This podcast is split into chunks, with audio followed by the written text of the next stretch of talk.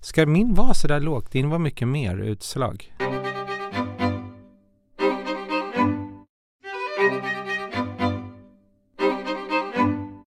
Välkomna till Dataministeriet med mig Anders Bäckström. Och mig Filip Jansén.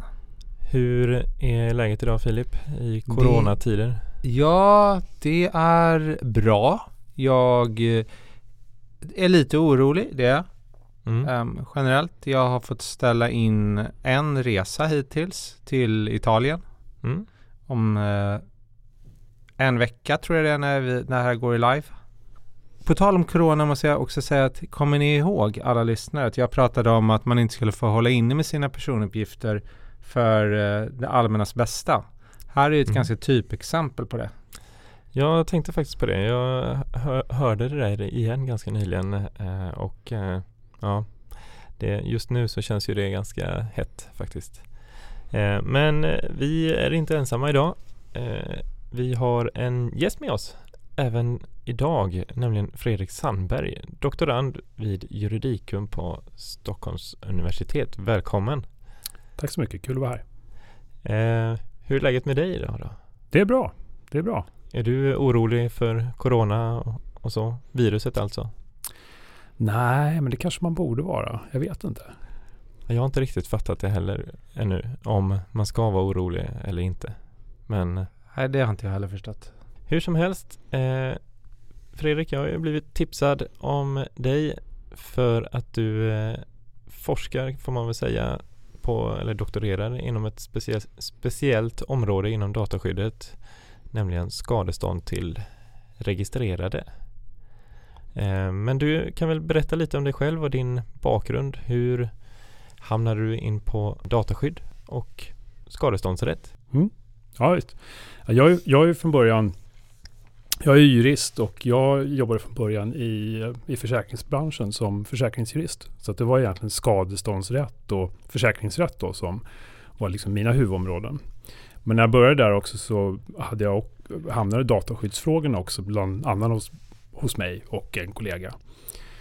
Och, eh, och, det finns ju, ett försäkringsbolag hanterar ju väldigt mycket personuppgifter. Jag menar det, det gör ju de flesta myndigheter och, och företag på ett eller annat sätt. Men på försäkringsbolag så är det ofta så att där hanterar man till exempel eh, känsliga personuppgifter, hälsouppgifter eh, ibland och, eh, och en del annan information som kan vara rätt känslig. Så att eh, det var ett eh, det var en ganska naturlig, eh, naturlig del. Men däremot så var det så att då jobbade jag, då var det liksom två områden som jag inte riktigt såg en koppling mellan från början. Utan det var, jag höll på med skadeståndsfrågor och försäkringsfrågor. Och sen parallellt med det så var de här dataskyddsfrågorna. Och sen så kom ju GDPR, man följde den utvecklingen, man hade en del digitaliseringsprojekt på företaget som jag var involverad i. Och sen var det egentligen först, då handlade det mycket naturligtvis om anpassningar, vad händer med GDPR, vad innebär det här? Men sen så eh, mot slutet där, när eh, GDPR eh, det var klart, att vi visste vad, hur den nya regleringen skulle se ut. Då började det dyka upp lite nya frågor. Bland annat så var det då en del eh, eh kunder som då upphandlade sin ansvarsförsäkring som undrade, ja men det här med dataskydd och eh, om vi råkar läcka upp uppgifter och sådär. hur, hur ser skadeståndsansvaret ut där? Behöver vi försäkra det? Hur, hur ser risken ut? Och då, ja, men då började jag fundera lite på det där och eh, man pratade med lite andra människor utanför företaget så, där, så insåg man att det var ganska många som undrade lite om vad, vad är det för risker och hur, hur ser egentligen ansvaret ut och vad kan man tänka sig att det är för skador som uppstår? Det var många som hade rätt svårt att, att, bedöma det. Och då började jag fundera lite mer på hur, hur mina två så att säga, favoritområden egentligen samspelade och hängde ihop. Och där någonstans började väl till slut den här idén om att, att forska på det här och, och födas då. Men var du på en, ett försäkringsbolag som var mot bolag eller var det även mot enskilda? Ja? Jag var både och. Så de försäkrade både företag och eh, enskilda personer. Så det var både konsumentförsäkringar, alltså du, hemförsäkringar eller det kunde också vara personförsäkringar, olycksfallsförsäkringar mm. eller livförsäkringar, eh, fordonsförsäkring. Eh, men som sagt, även då ganska stora företag och en del eh, lite mindre företag. Och eh, bara för att få in just det här med skadeståndsrätten, för det får jag väl erkänna att just eh, det var ingenting som jag fokuserade så mycket på under mina studier. Men hur ser det ut med skadeståndsrätt in, i Sverige? Det, det lilla jag minns är att det inte är så höga belopp. Stämmer det? Är det så eller hur?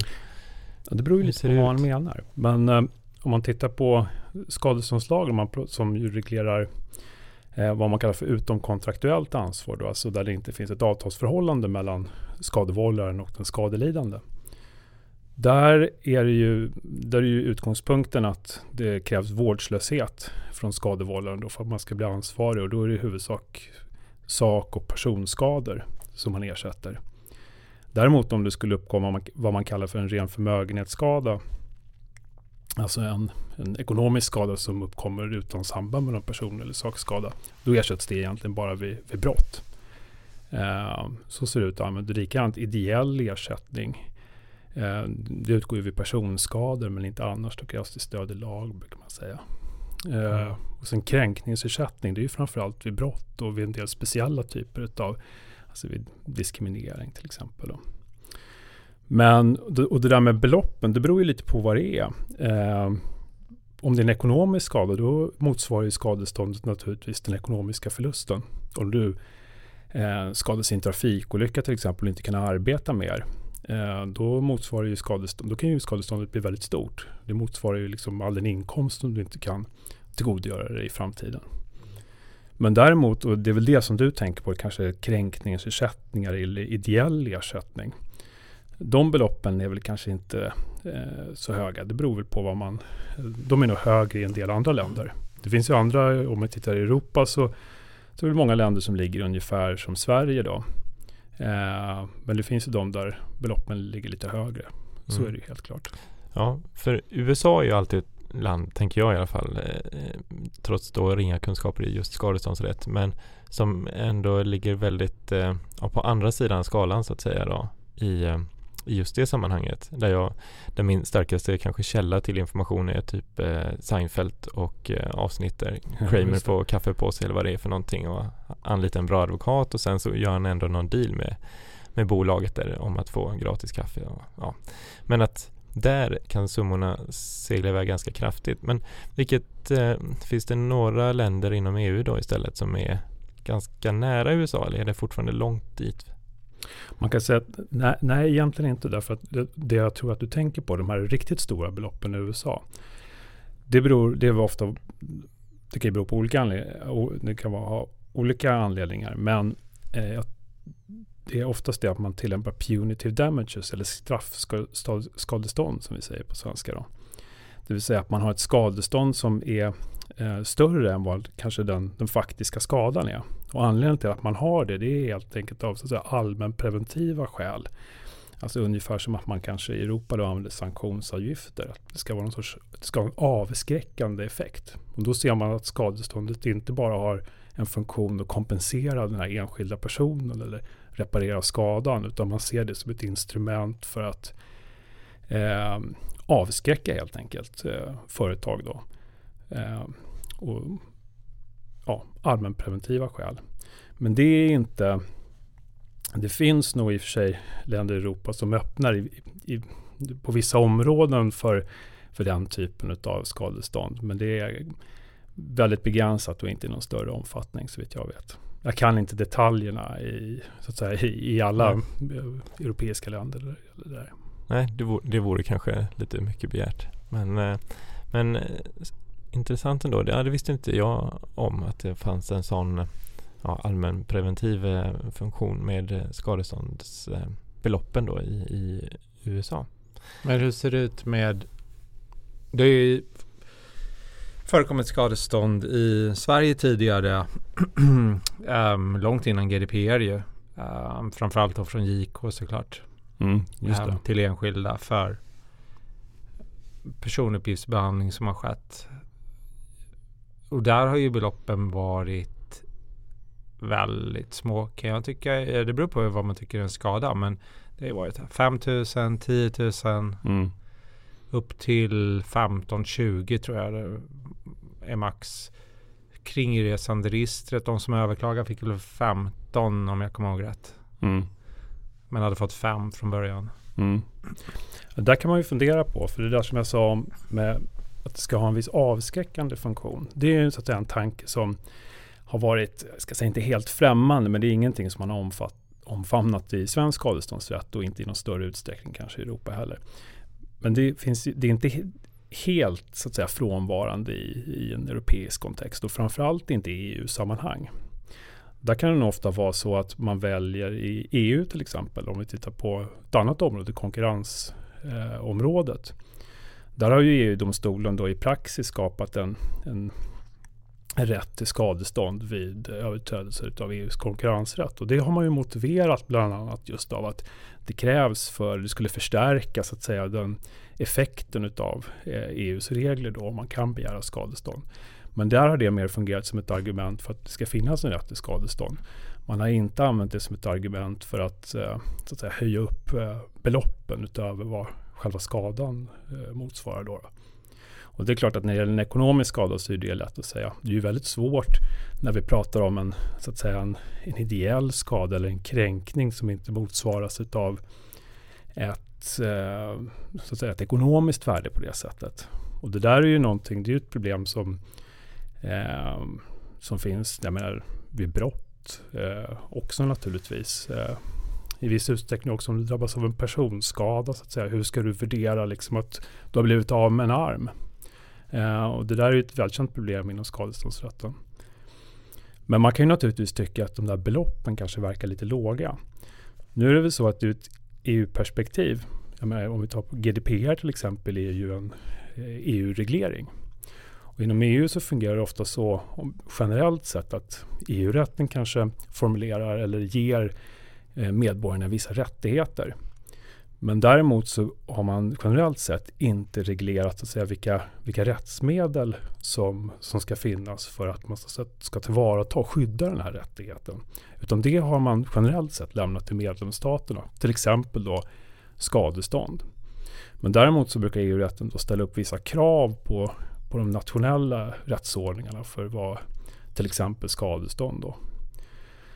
Och ett sånt där krav är ju att det, ska, det, får, det måste vara har man nationella regler så får inte de tillämpas på ett så att säga, mindre förmån, förmånligt sätt för EU-rättsligt grundade rättigheter jämfört med sådana som grundar sig på nationell rätt. An, en annan sån här princip är när man kallar för effektivitetsprincipen. Då.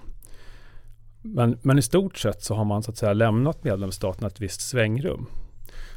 Sen kan man ju fundera på det. Där har man ju tagit upp bland annat på diskrimineringsområdet då eh, och sagt att ja, men skadeståndet, det, det måste ju vara avskräckande. Eh, och då har man bland annat sagt att det inte får vara frågor om enbart så att säga nominella belopp eller symboliska belopp. Och man kan också säga om man tittar på EU-rätten att EU-domstolen är inte så förtjust i att man bara lämnar just nominella belopp. Det vill säga att man, man kanske har en standardsumma som man alltid ger oavsett egentligen hur, hur allvarlig den här kränkningen är.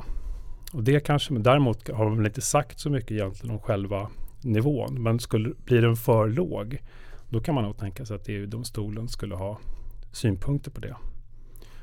Så att, men om man jämför då de som har fått 5, 10, 15 tusen här. Då säger ja det är svensk standard kan vi kalla det. Mm. Och om det var i Tyskland då skulle man ha tillämpat vad de har för standard jag vet inte om den är högre eller lägre eller lika. Nej. Men om, säg att den är lite högre så är det ändå typ värt lika mycket. Mm. Ja, det där är ju, och det kan man ju tycka att det är lite märkligt om vi tar till exempel då GDPR. Ja, med de rättigheterna som den registrerade har där, om de överträds, ska de värderas, ska den så att säga, överträdelsen värderas olika då beroende på vilken medlemsstat du befinner dig Men hittills har det fungerat så att det, man lämnar den här så att säga, skadeståndsfrågan till, till nationell rätt. Eh, och förutsatt att till exempel man skulle kunna tänka sig att om, om ersättningarna som man fick för vid överträdelse av GDPR eller PUL tidigare. Om de skulle ha varit väsentligt lägre än om man jämför med, med andra typer av rättighetsöverträdelser eller vid, vid brott. Då skulle nog EU-domstolen kunna ha synpunkter på det. man skulle ju kunna fundera på med tanke på att rätten till dataskydd ändå är så att säga en, en grundläggande rättighet enligt eh, eh EUs stadga.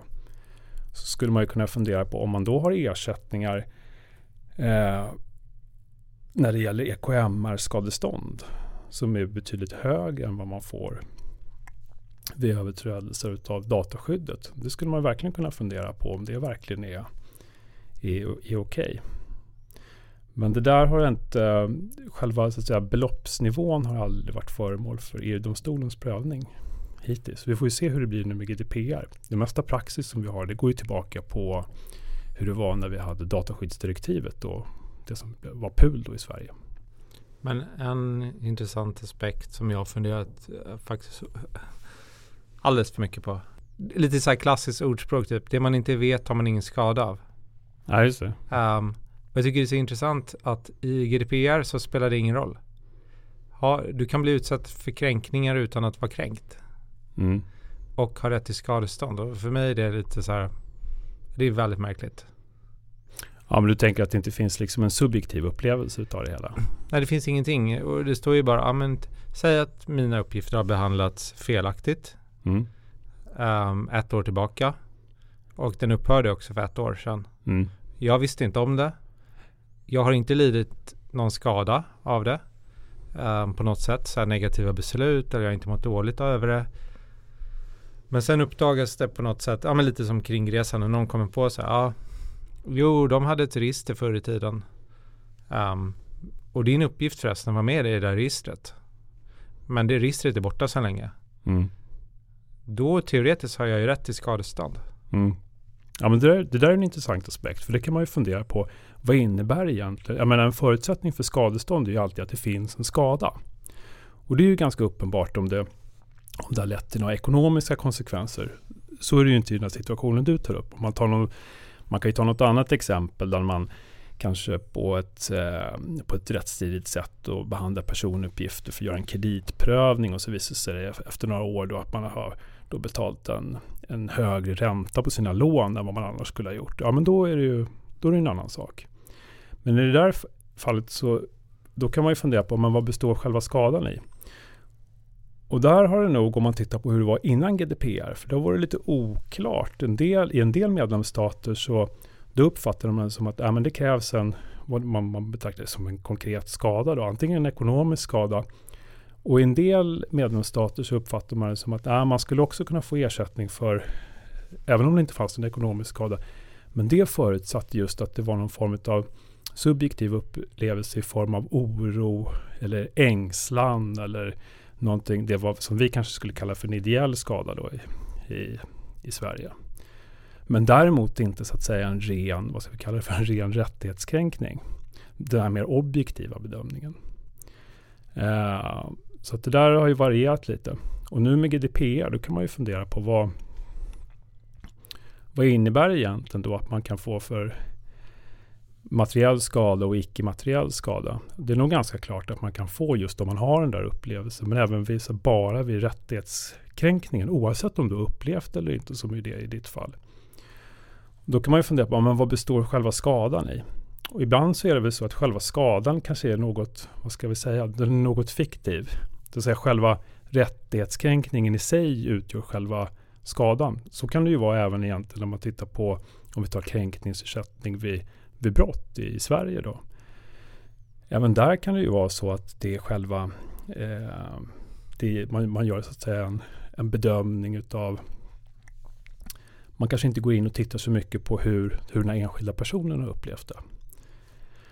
Eh, och då, man kan ju fundera på varför. Jag, ett sätt att se, ur ett EU-rättsligt perspektiv skulle man nog kunna säga att det där, det kanske måste vara så. Jag menar, Inom EU-rätten så har vi precis som i Europarätten den här rätten till ett effektivt rättsmedel. Det måste finnas ett, så att säga, ett, en möjlighet att och, så att säga, eh, och, och ta tillvara din rätt. Och har din rätt blivit kränkt så måste du kunna agera på något sätt. Och ibland så det enda sättet att göra det kanske är att väcka en skadeståndstalan. För det finns inte något annat riktigt eh, rättsmedel. Um, och då, det är bara inom ramen för en skadeståndstalan som du kan få det prövat. Och då, måste man, då får man nästan se det på det sättet. Att det, det får bli en summa som så att säga, ska motsvara den här kränkningen då på något sätt. Finns det någon preskriptionstid? Preskriptionstiden är inte reglerad i GDPR. Och då kan man ju fundera på vad som gäller då. Det finns ju för övrigt andra sådana här regler som, som man ju måste ha. Olika situationer och problem som uppkommer som ju inte finns med i den här skadeståndsbestämmelsen i artikel 82 i GDPR. Och där är det väl så att då får så att säga, nationell rätt eh, fylla ut det där. Eh, så att för Sveriges del skulle det innebära att då får vi tillämpa samma typ av preskriptionsregler som, eh, som vi normalt skulle använda vid, vid skadestånd. Och då får man eh, och då ska man tillämpa nationell rätt, men man måste då också enligt EU-rätten då beakta de här två likvärdighetsprinciperna, effektivitetsprincipen, det vill säga att man får då inte tillämpa en preskriptionsregel som så att säga är mindre förmånlig än vid motsvarande skadeståndskrav enligt nationell rätt till exempel. Och det får inte vara en preskriptionstid som, som är så kort eller beräknas på ett sådant sätt att eh, det blir i praktiken omöjligt att framställa en skadeståndstalan. Det har prövats några gånger i, när det gäller lite andra typer av rättigheter än GDPR utav EU-domstolen. Oftast så har man godtagit eh, preskriptionsregler som kan vara ganska korta faktiskt. Och hur ser det ut i Sverige då? Hur många år har man på sig här? Är det, är det preskriptionslagen som är, spelar det en roll här eller är det specifik skade, specifikt skadeståndslag? Det, det, finns en särskild regel som gäller just, uh, just skadestånd. Mm. Så att, men där, där har du förhållandevis lång tid på dig. Och det, den, så där tror jag inte att det skulle bli några problem eh, egentligen. Jag tror inte att våra skadestånd eller våra preskriptionsregler eh, skulle bli något problem ur, eh, så att säga, i ur ett EU-rättsligt perspektiv. EU-domstolen skulle då inte ha några synpunkter på dem. Nej. Så, så hur många år är det? Kan du det? Jag har för mig att det är tio år. Ja. Då har vi tio år på oss Filip. Med att leta upp de här sakerna där vi kanske Ja. Men jag, jag fastnar lite vid det här med att man ska få skadestånd bara för att man har funnits i ett register. Eh, eh, jag, jag tar registret igen. För där var det ju så att det fanns eh, vissa brister. Ändamålet var inte tillräckligt specifikt. Um, behörighetsstyrningen var inte tillräckligt god. Och sen tror jag att, ja det var ytterligare några, några brister som var mer sådana, vad var det kallade, rättsliga brister. Man mm. uppfyllde inte lagkrav. Nej. Och nu, det var länge sedan jag läste det, men jag läste det ganska noga då. Och, och bara för att de här personerna var i en register eller en förteckning eller databas som hade de bristerna så hade de rätt till skadestånd. Mm. Och alla i hela registret. Det var bara att skicka in typ, ja jag fanns också med här. Mm. Så fick man sina pengar. Och, så vi har den åsikten att, vad var det kallade, rättsliga skadestånd. Man behöver inte påvisa någon skada. Nej men det beror på hur, hur, man, hur man ser I, I det fallet så ser man det ju som att, och så har vi ju sett det i Sverige, att eh, bara det faktum att din rättighet har, har blivit kränkt utgör en skada i sig. Eh, det är så vi har sett på det under, under den tiden vi hade PUL. Eh, eh och, och det... Eh, ja men det kan man säkert ta. Det där ser man nog på lite olika i olika delar av, av, EU. Eh, I vissa länder så tror jag att det uppfattas som eh, ganska naturligt. I andra eh, så tycker man att det här inte riktigt är samklang med hur man brukar eh, tänka kring skadeståndsfrågor. Men eh, jag tror att det är svårt att komma ifrån att eh, den regleringen vi har nu i GDPR, eh, där, är, där är det nog så att själva kränkningen, det kanske inte alla regler i GDPR som kanske eh, inte är en överträdelse av alla de regler som skulle utgöra en sån kränkning. Det, det, har jag faktiskt inte funderat riktigt klart kring, men helt klart är nog att vissa av de här reglerna, det får nog ses som kränkningar utav rättigheter där bara det faktum att rättigheten blir kränkt kan ge upphov till ett skadestånd. Vilka kan det vara? Typ information och sånt gissar jag. Ja, precis. De här tar rättigheter, de rättigheter som finns uppräknade i eh, de särskilda rättigheterna som finns i GDPR för, för en registrerade till exempel. Man kan nog även tänka sig eh, en del behandling som är uppenbart strid med de här Dataminimering. Ja. ja, precis. De grundläggande principerna helt enkelt. Laglig grund kanske? Ja. Att man ens ja, att, eh, att, att PUA eller personuppgiftsansvarig saknar laglig grund eller rättslig grund, vilket man vill kalla det. Det måste ju i sig vara en olaglig behandling. Eh. Men exakt när och under vilka förutsättningar som, som man kan få så att säga, ersättning bara på grund av så att säga, en, en, en rättighetskränkning. Det, det är en fråga som jag fortfarande håller på och, och tittar lite på och borrar i. Så att, eh, vi får väl se om jag säger samma sak här om några år när jag är färdig med min avhandling. Hur långt har du kommit nu? Nu har jag hållit på i ett och ett halvt år ungefär. Hur känns det då efter ett och ett halvt år? Känns det som att du bara är inne och snuddar lite på det eller känns det som att du Ja, hur det ser ut den här, vad är det, Valley of Despair, den här när man när man inser hur plötsligt hur lite man vet av de här grejerna. Eh, hur känns det så här långt? Nej, men det, när jag började så hade jag nog en ganska ambitiös tanke om att ja, om ett år då kommer jag vara klar med, med de här frågorna. Eh, sen efter ett år så var jag klar med ungefär kanske en, en femtedel av det som jag hade tänkt mig. Det, liksom, det växer hela tiden, man inser ny, man kommer på nya saker som man inte har tänkt på från början. Eh, så att man... sen så insåg jag eh, ganska tidigt att det fick, eh, man behöver placera in de här reglerna som artikel 82 då i GDPR till exempel i en större rättslig kontext för att förstå det den här EU-rättsliga kontexten som jag har varit inne på lite grann här. Men också kanske man behöver sätta in det lite andra eh, en större alltså, Ta till exempel det här med, då, om skadeståndsrätten. Att den ser ju olika ut i olika medlemsstater. Vad är liksom eh, hur mycket skiljer det sig åt? Vad är, finns det någon sorts gemensam standard där? En annan sån här sak är ju personuppgiftsbehandling är ju väldigt, eh, vad ska vi säga, eh, teknikdrivet. Alltså det är väldigt mycket, så att säga, teknikutvecklingen driver ju väldigt mycket hur dels tillgången på personuppgifter naturligtvis och även hur vi behandlar det. Vad vi använder det för. Det är nya affärsmodeller som kommer och så vidare. Och det där börjar man ju se även på, på andra områden då, att man börjar fundera på vad innebär den här teknikutvecklingen? Uppkommer det nya typer av skador och nya situationer? nya problem. Hur, hur ska vi hantera det med våra traditionella skadeståndsregler? Och jag tror att när vi tittar på, det insåg jag efter ett tag att när GDPR kom och den här skadeståndsbestämmelsen. Den måste man nog också, man kommer behöva förhålla sig till andra typer av skadeståndsrättsliga regler. Ta till exempel eh, produktansvarsregler.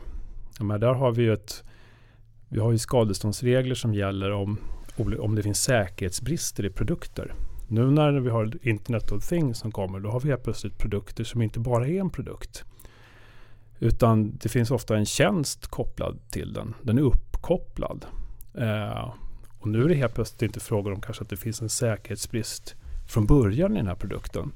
Utan det kan vara en produkt som, låt oss säga att vi har en dammsugare hemma som, helt plötsligt, som är uppkopplad. Då har du naturligtvis då en internetoperatör. Du har någon form av tjänsteleverantör. Du har också någon som har levererat mjukvara till den här produkten. Och sen har du någon som har gjort hårdvaran. Då har du en massa olika aktörer.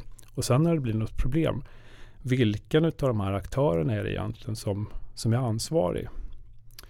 Och där kan man ju också tänka sig att det naturligtvis är en del. Det finns, om du har Internet of Things, du har sensorer, det kanske samlas personuppgifter. Så där kan GDPR komma in som en bit. Men där, och där håller man på att titta nu. Det finns en expertgrupp som eh, EU-kommissionen tillsatte som tittar lite på skadeståndsrättsliga regler. Eh, hur de förhåller sig till, till ny teknik och AI. Då. Och eh, där är det ganska intressant att se hur de eh, identifierar en massa problem som teknikutveckling innebär. Där tror jag att där kan man nog på sikt börja se att det kommer komma regelförändringar som också GDPR behöver man behöver förhålla sig till och fundera på, ja men vänta nu, är det här någonting som vi ska, som ett GDPR-skadestånd eller är det någonting som ska ersättas på något annat sätt? Och eh, så att jag tror... Den är värre med den nya, så här, vad heter det, cirkulär ekonomin. Ja. När saker ska återanvändas i evighet. Så har den tidigare ägaren modifierat lite grann. Ja men precis, så där har du ytterligare. Så det var en sak som de i den här expertgruppen identifierade. Det var just att vi har otroligt många aktörer som är inblandade. Som det, så såg det kanske inte ut i den gamla, vi ska inte säga icke-digitala ekonomin, men den mindre digitala ekonomin. Uh, och det, är, det där tycker jag är ganska intressant. Uh, och det gör ju helt plötsligt att det här det växer. Man inser att det finns massa andra saker som, som man behöver fundera på. Hur förhåller sig GDPR och GDPR-skadestånd till andra typer av eh, skadeståndsregler och skadestånds... Och i GDPR står det ju idag i artikel 82 som jag nämnt att man ska få ersättning för den uppkomna skadan. Och, och det har vi varit in lite på. Men finns det en lista typ över så här, vad, här är olika skador.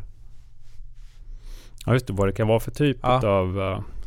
Vi nämnde man kan må dåligt. Mm.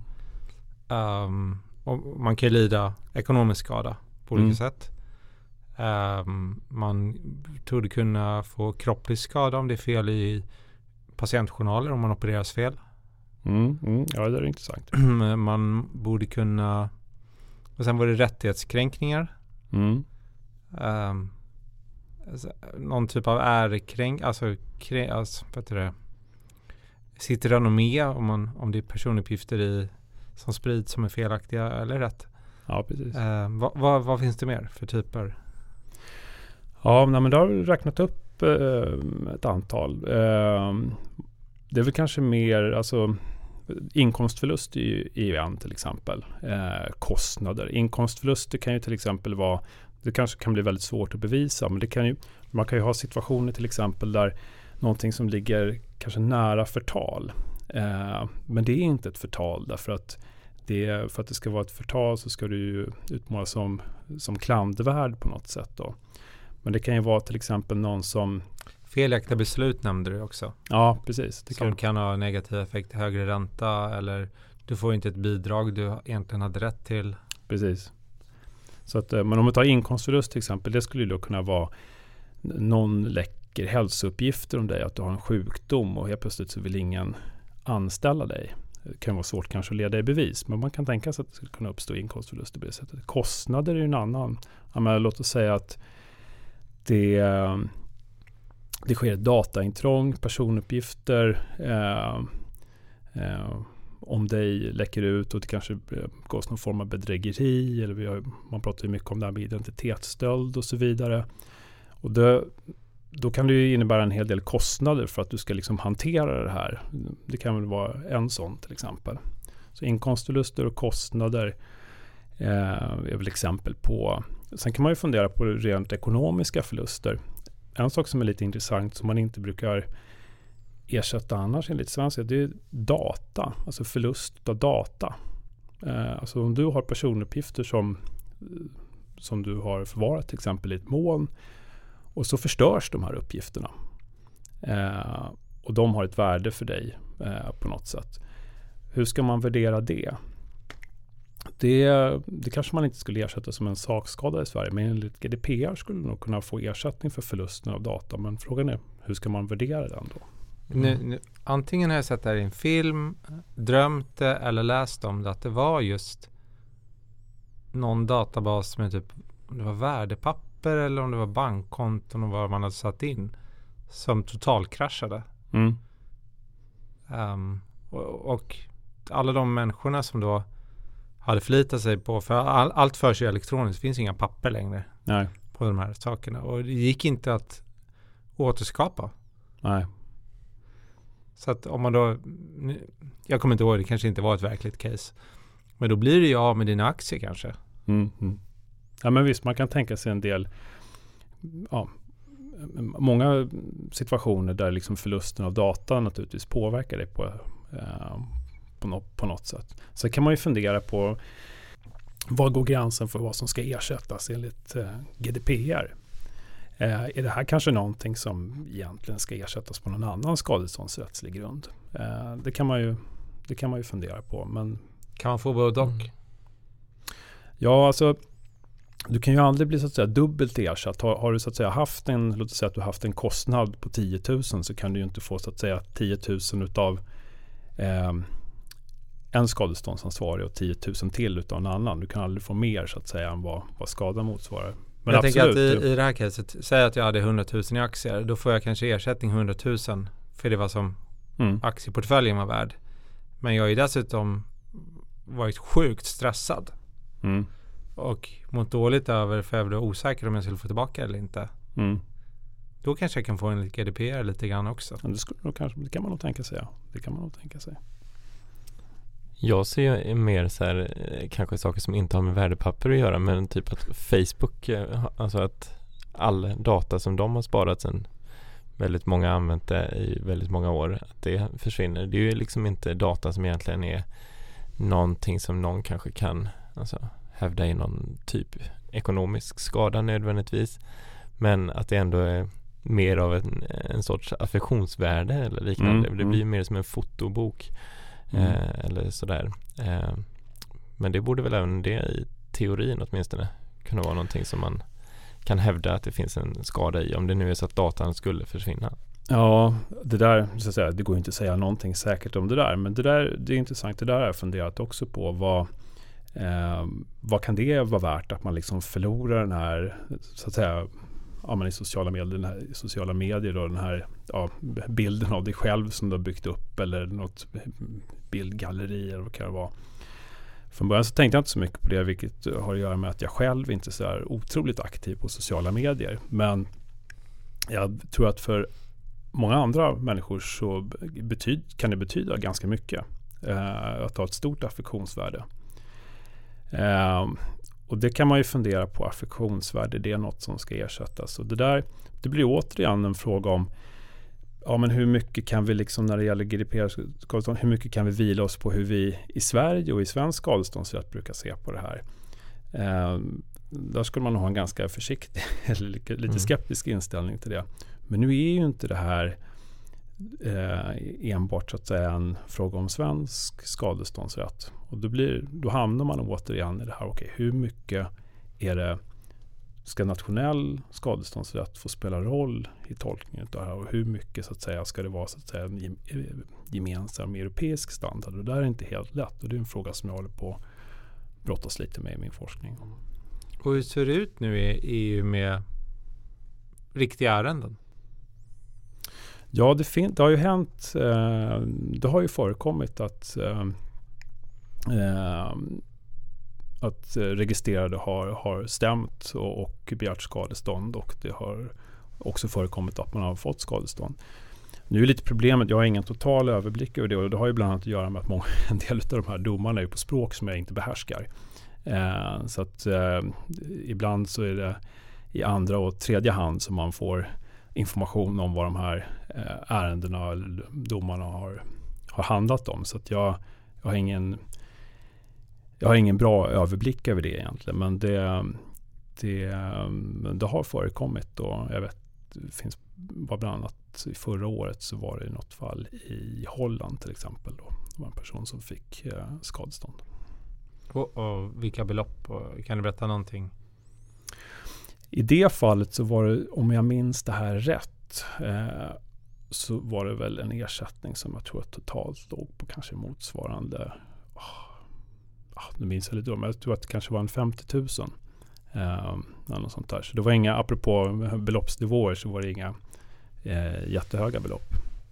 Och så är det väl kanske ofta, jag menar även om, oavsett om vi pratar om en ekonomisk skada, vad det nu skulle kunna vara, eh, eller om det bara är eh, oro eller ängslan eller att, säga, att ens rättigheter har blivit, eh, blivit kränkta så kanske det inte är så stora belopp just eh, för en enskild person. Men det som är lite speciellt med, med personuppgiftsbehandling är ju just den här eh, digitala miljön som ofta gör att du, om du har eh, data breach så är det ganska sällan som det bara är en registrerad som har drabbats. Så, utan det är väl ganska många eh, kunduppgifter till exempel som läggs. Så att det är många bäckar små som man säger. Så att för varje enskild person så kanske det är en ganska liten skada. Men om du då har tusen eller tiotusen personer som du berör. Då kan ju så att säga potentiellt sett det här bli ett ganska eh, totalt sett bli ett ganska stort eh, belopp för den skadeståndsskyldige. Det där tycker jag är otroligt intressant. Jag, jag, när vi fick se lagstiftningen 2016 då började jag prata om chase for the money. Um, man jämför sanktionsavgifterna som då myndigheterna skulle kunna påföra på grund av någon, ett, en uh, brist. Och sen skulle de enskilda då um, också kunna kräva skadestånd, kanske för samma sak. Uh, men organisationen kommer ju ha en viss ekonomisk styrka, en viss penningpunkt. Så vem springer fortast? Mm. Um, för att det är inte helt osannolikt och vi kommer ju se sådana fall där bolag går i konkurs på grund av sådana här saker. Just som du säger, det finns ju ingen övre beloppsgräns när det gäller skadestånd. För om man har en miljon, även om de får förhållandevis liten summa, alltså 50 000. Jag menar, det är ingen som har det i fickan och kan betala ut till alla. Nej. Det är ju, jag är så dålig, det blir 50 miljarder va? Ja men precis, det skulle kunna bli, skulle kunna bli enorma belopp. Nu har vi ju inte sett några sådana fall. Fast det har ju British Airways är på gång. Mm.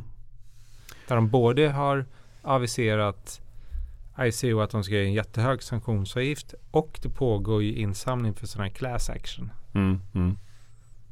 Ja men jag håller med, det där, det där är ju intressant och man kan ju fundera på, för det fanns ju även, jag menar, det fanns ju en eh, möjlighet att få skadestånd även innan vi hade GDPR då med det gamla dataskyddsdirektivet.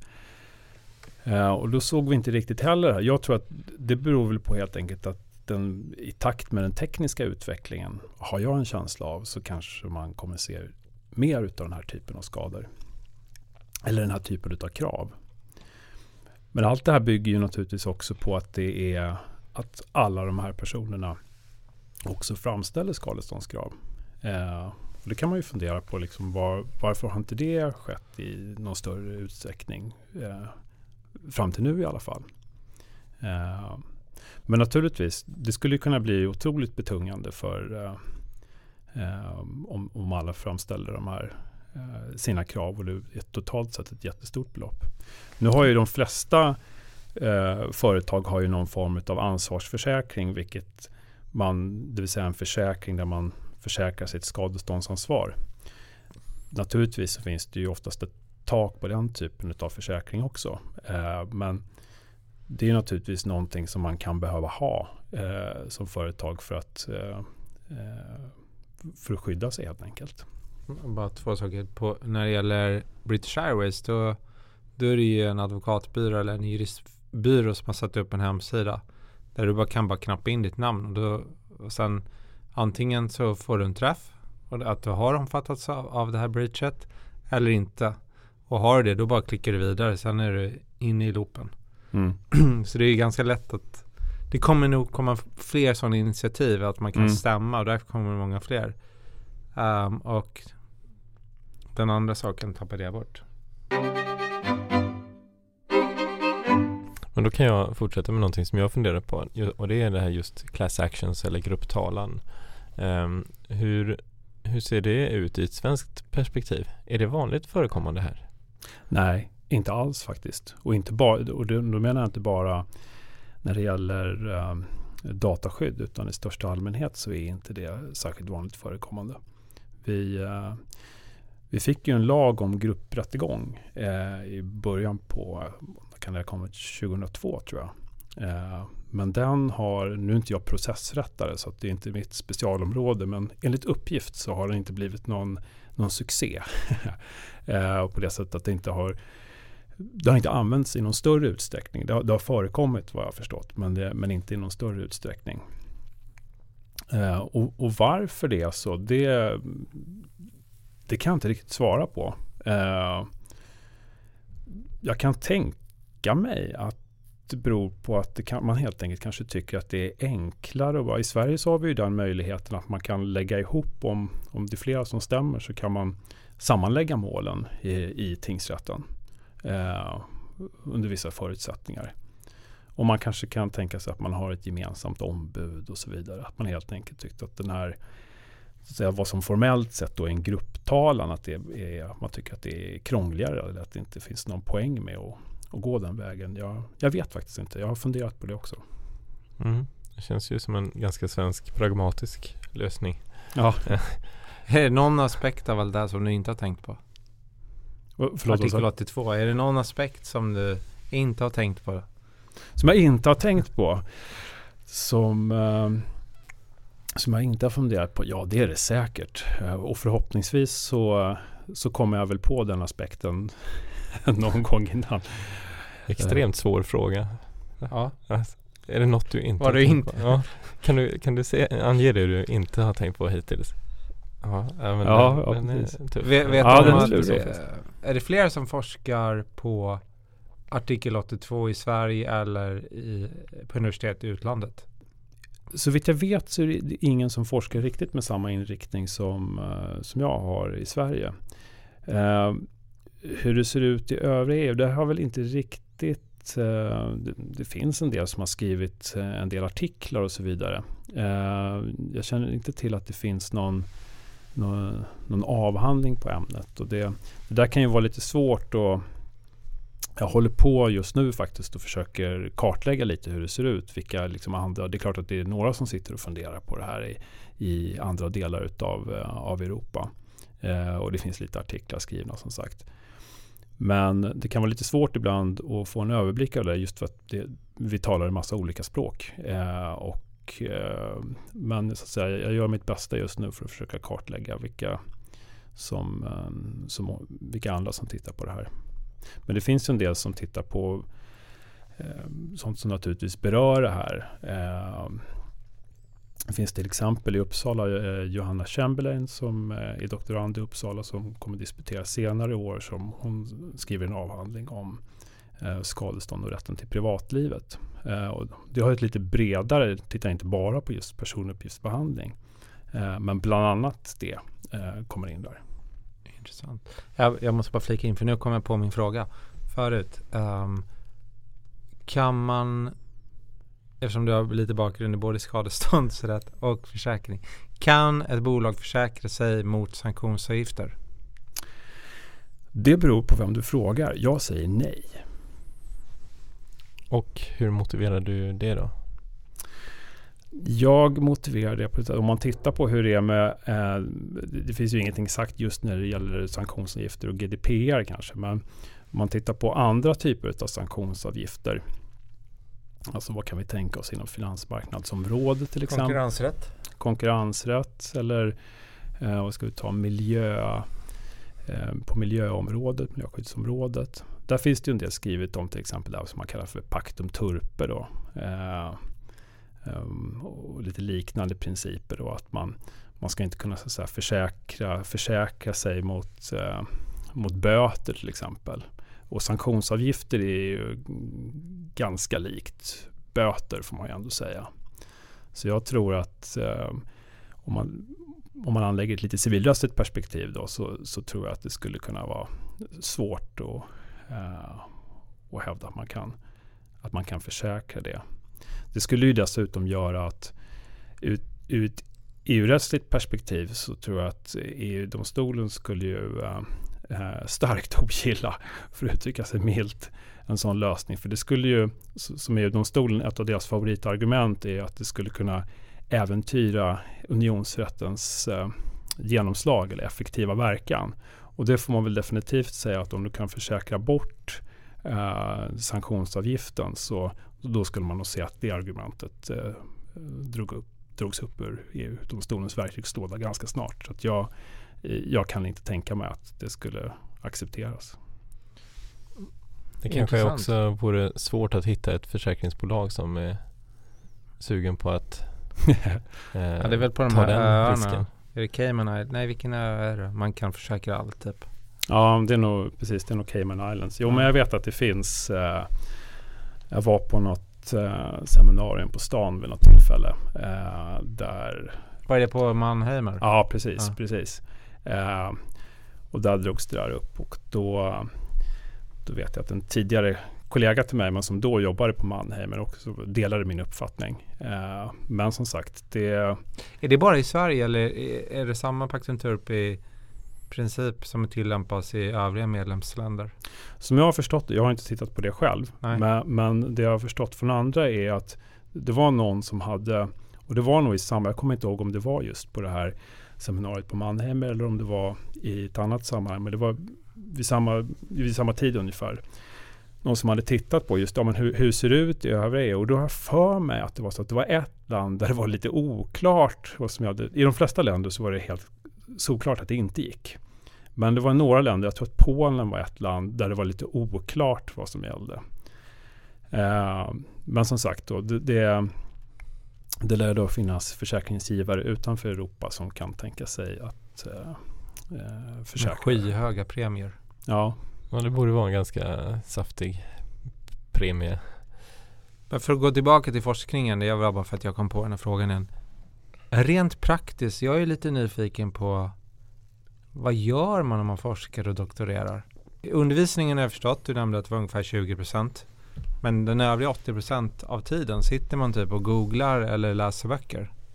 Ja, det var en väldigt bra fråga. Jag undrar själv faktiskt ibland hur, vad det är jag gör.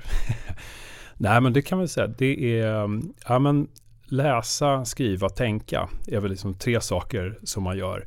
Eh, och, eh, och det där måste man nog blanda lite grann. Eh, naturligtvis är det väldigt mycket inläsning naturligtvis, söka information. Eh, I mitt fall så är det ju eh, just försöka skaffa sig en överblick över vilka andra håller på med det, vilka andra har, sk- har skrivit. Så det är mycket söka naturligtvis och, och hitta information, läsa. Sen så är det en ganska viktig process tycker jag, så jobbar jag i alla fall, Eh, att, och, och skriva. Därför att ofta så när man sätter sig ner och ska skriva någonting, ja men nu, nu har jag läst det här och nu har jag tänkt klart. Och, nu, eh, nu är det här klart, nu ska jag bara sätta det här på pränt så att säga. Och då så när man börjar skriva så inser man att, ja men vänta nu, då klarnar tankarna. Vänta nu, här har vi ett problem, här har vi något som jag inte har tänkt på, apropå din fråga förut vad jag inte har tänkt på. det inser man ofta när man ska börja skriva att det inte var så enkelt som, som man hade tänkt sig, eller att man har tänkt fel helt enkelt. Ja, då får man gå tillbaka och tänka, läsa, skriva vidare. Så så det är liksom en eh, men det är väl det som man gör huvudsakligen. Det finns det lite olika traditioner också när man doktorerar. Den ena är att man skriver 500 sidor och den andra är att man skriver artiklar. Mm. Och vilken variant har du riktigt? Äh, juridik brukar ju vara 500 sidor lunta. Ja, precis. Ja, men precis. Inom vissa områden så då är det ofta man skriver ett antal artiklar och så har man en, en, en kappa. Det är, jag tror att medicinarna, jag tror även eh, civilingenjörerna tror jag också att det är ganska vanligt att det är på det sättet. Eh, inom juridik och rättsvetenskap då så är det ju monografi, det vill säga man skriver en bok. Det är det som gäller. Jag, eh, jag frågade faktiskt när jag började, är, är det någon som någonsin har prövat att skriva några artiklar och en sån här kappa istället, göra den varianten? Och eh, de här professorerna som jag pratade med, de kunde bara dra sig till minnes en person som hade gjort det. Någonsin. Vem var det? Ja, det kommer jag inte ihåg. Det var, no, det var någon nere i Lund om jag inte minns fel. Ja, Eh, det säger allt. det, Men var det någonting som var så här ja, jag vet inte om det finns ett bättre ord för det på svenska men frown upon. Alltså att man såg ner lite på ja, det sättet att göra det på istället för att skriva den här kioskvältaren. ja, det är en bra fråga. Jag, undrar varför det är så där. Jag har inget bra svar på det. det hur det kommer sig att det är... Ja, För jag, jag kan ju spontant tänka att skriver du artiklar så är det lättare att hela tiden vara aktuell. Mm, ja, precis. Medan som eh, jag för mig att det just innan eh, GDPR, eh, så att innan den blev aktuell eller att det trädde i kraft, det ändå var en del författande som gick eh, ut på gamla PUL då, Mm. eh, som ganska snabbt blir lite mer av det inaktuella slaget Mm, eh, mm. när det då kommer en ny lagstiftning. Eh, så mycket jobb som, ja, man kan ju ändå ha nytta av det men att det ändå tappar sin Mm. eh, Jag gav ju ut en bok där precis. Ja, det kan, var det du? Men menar du att den är obsolet nu? Ja, jag vet inte vilken av alla är det. Um, ja, jag har bara skrivit en bok. Så det är den. Jaha, det är bara en massa projekt på gång. Ja, det också. Ja. ja. En podd. En, en annan sån här skillnad just i rättsvetenskap eller juridik om man jämför med andra områden. Det är just att du skriver du forskar liksom själv. Du sitter och skriver den där boken och du har ju naturligtvis dina handledare och du, det är klart att man bollar med många andra. Eller förhoppningsvis gör man det. Men eh, inom andra områden så är det väldigt vanligt att man bedriver forskning även på doktorandnivå i projekt. Eh, och kanske tvärvetenskapligt också. Det har ju blivit ganska vanligt om, när man är disputerad. Att eh, då är det ju, eh, idag finns det ju en, stark, en, en starkare trend tror jag med tvärvetenskaplig forskning och så vidare. Det är lättare att få forskningsmedel också om det är tvärvetenskapligt och, och så vidare. Men fortfarande om man är doktorand då är det, då är det avhandlingen eh, som gäller. Skriver man den eh, från liksom sid 1 till 350 eller hoppar man här och där eller? Ja, man måste det där beror säkert på vem du frågar. Men... Jag frågar dig. Ja, du frågar mig. Ja, det, precis. Och det, nej, det går ju inte riktigt då att skriva från 1 till 350. Som jag sa, att man måste nog skriva lite grann för att man, man kan liksom inte sitta och läsa och tänka och sen sätter man sig ner och skriver. Därför att man behöver nog den där skrivprocessen för att liksom komma, komma framåt. Uh, och då måste det ju vara lite så att man, man kanske håller på och jobbar på en del. Jag så till exempel jobbar väldigt mycket med den här vad jag kallar för den här EU-rättsliga kontexten. Och så håller man på mycket med den men sen måste man ju in helt plötsligt och börja fundera på ja, men det här med personuppgiftsansvar, gemensamt personuppgiftsansvar. Hur är det med det? Och så håller man på lite där och sen så kommer man på att ja, men nu måste jag titta på lite skadeståndsrättsliga frågor här. Och sen så, så man, måste, man blir så att man är inne och petar på lite olika områden. Och jag tänkte måste, just fråga om det där med artikel 82. Är det, är det alla styckena eller? som du skriver om. För ja. där kommer ju de här regresstalan och lite allt möjligt. Ja, just det, just det. Ja, alltså jag, jo, absolut. Det, jo, det är egentligen alla styckena. Eh, det är väl, nu har jag mest hållit på med egentligen så att säga under vilka förutsättningar har du rätt till ersättning. Men, och också då ansvaret. När är du ansvarig? Eh, det hänger ju väldigt mycket ihop med eh, reglerna för personuppgiftsansvar. När är du personuppgiftsansvarig? Finns det flera personuppgiftsansvariga? Vem är ansvarig för vad? Eh, men sen så kommer vi också in på de här reglerna om solidariskt skadeståndsansvar. När är du det? Men sen kommer man in på de reglerna gör ju att det är väldigt förmånligt för, för den registrerade. Man kanske inte alltid behöver då fundera på exakt vem det är som, om det finns flera, utan man kan vända sig mot en av eh, de personuppgiftsansvariga. Eller eh, personuppgiftsbiträdet om det, om det är aktuellt. Men sen så kommer en svår fråga in. Det är just det här med hur ska man då fördela det här sinsemellan? Eh, det är lite knepigt. Det har jag inte hunnit titta på så mycket än. Men det har jag tänkt att jag ska, ska göra också. Det blir väldigt intressanta frågor om man tänker sig att man är gemensamt eh, personuppgiftsansvarig just med till exempel Facebook eller mm. så då. Där man kanske har ganska lätt att gå gå till ett mindre bolag som har en Facebook-sajt um, eller sån här fanpage eller vad de kallar det och eh, kräva ut sitt skadestånd från dem för de kanske inte har lika stora ekonomiska muskler i en eventuell rättegång eller hur man nu bedriver det Nej. förfarandet jämfört med vad Facebook skulle ha. Å andra sidan så har ju Facebook kanske en lite större skattkista än vad ja, precis. den här fanpagen har. Vad vet jag. Men det, det kan ju också vara, det är ju ofta en anledning till att när man har flera att gå på så väljer man att gå på den som har pengar. Mm. Nu, ja. nu är det en annan fråga om artikel 82 tillbaka. Mm. Mm. Tillbaka igen. Um, det här är en fråga som jag tror absolut alla som lyssnar på det avsnittet vill ha svar på. Är artikel 82 i någon del dispositiv? Eller tvingande rätt? Uh, då gissar jag på att du tänker på hur man kan fördela ansvaret. Eh, Till exempel i biträdesavtal. Mm, just det. Kan man avtala annorlunda?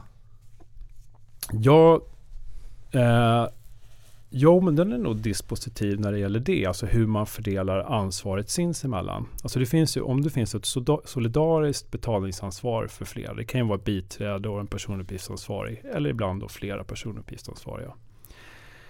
Man kan ju inte sinsemellan eh, genom ett avtal eh, så att säga avtala till, till nackdel för den registrerade. Alltså den registrerade situation kan man inte så att säga dispo, disponera över. Eh, där är det tvingande. Så det solidariska betalningsansvaret det är tvingande.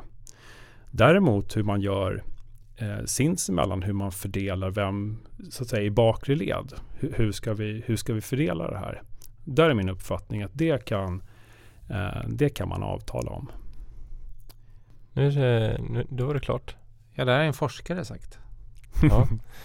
Och det, vem ska man annars lita på? Men vi, om man, för det här processas ju, det står i sista stycket enligt eh, processrättsliga regler i eh, medlemsstaten eller medlemslandet. Så det, man inleder en helt vanlig process. Ja, precis. Om du vill, om du vill eh, föra en skadeståndstalan, då, då får du ju, om du är i Sverige då, så får du ju helt enkelt, då får du ju ansöka om stämning i tingsrätten. Precis som, som vanligt i ett vanligt tvistemål. Men i Sverige har det inte varit något än va? Eh, inte, inte så vitt jag vet. Eh, det där är lite svårt för att det är inte alltid man får, det kan ju vara någon naturligtvis som har stämt i, i någon tingsrätt och mm, det har jag inte koll på. Men det har inte varit uppe i högre rätt i alla fall. Eh, någonting. Inte sen eh, som grundas på GDPR i alla fall. Jag, eh, jag har slut på frågor. Jag har väldigt, jag, vill, jag ser fram emot boken.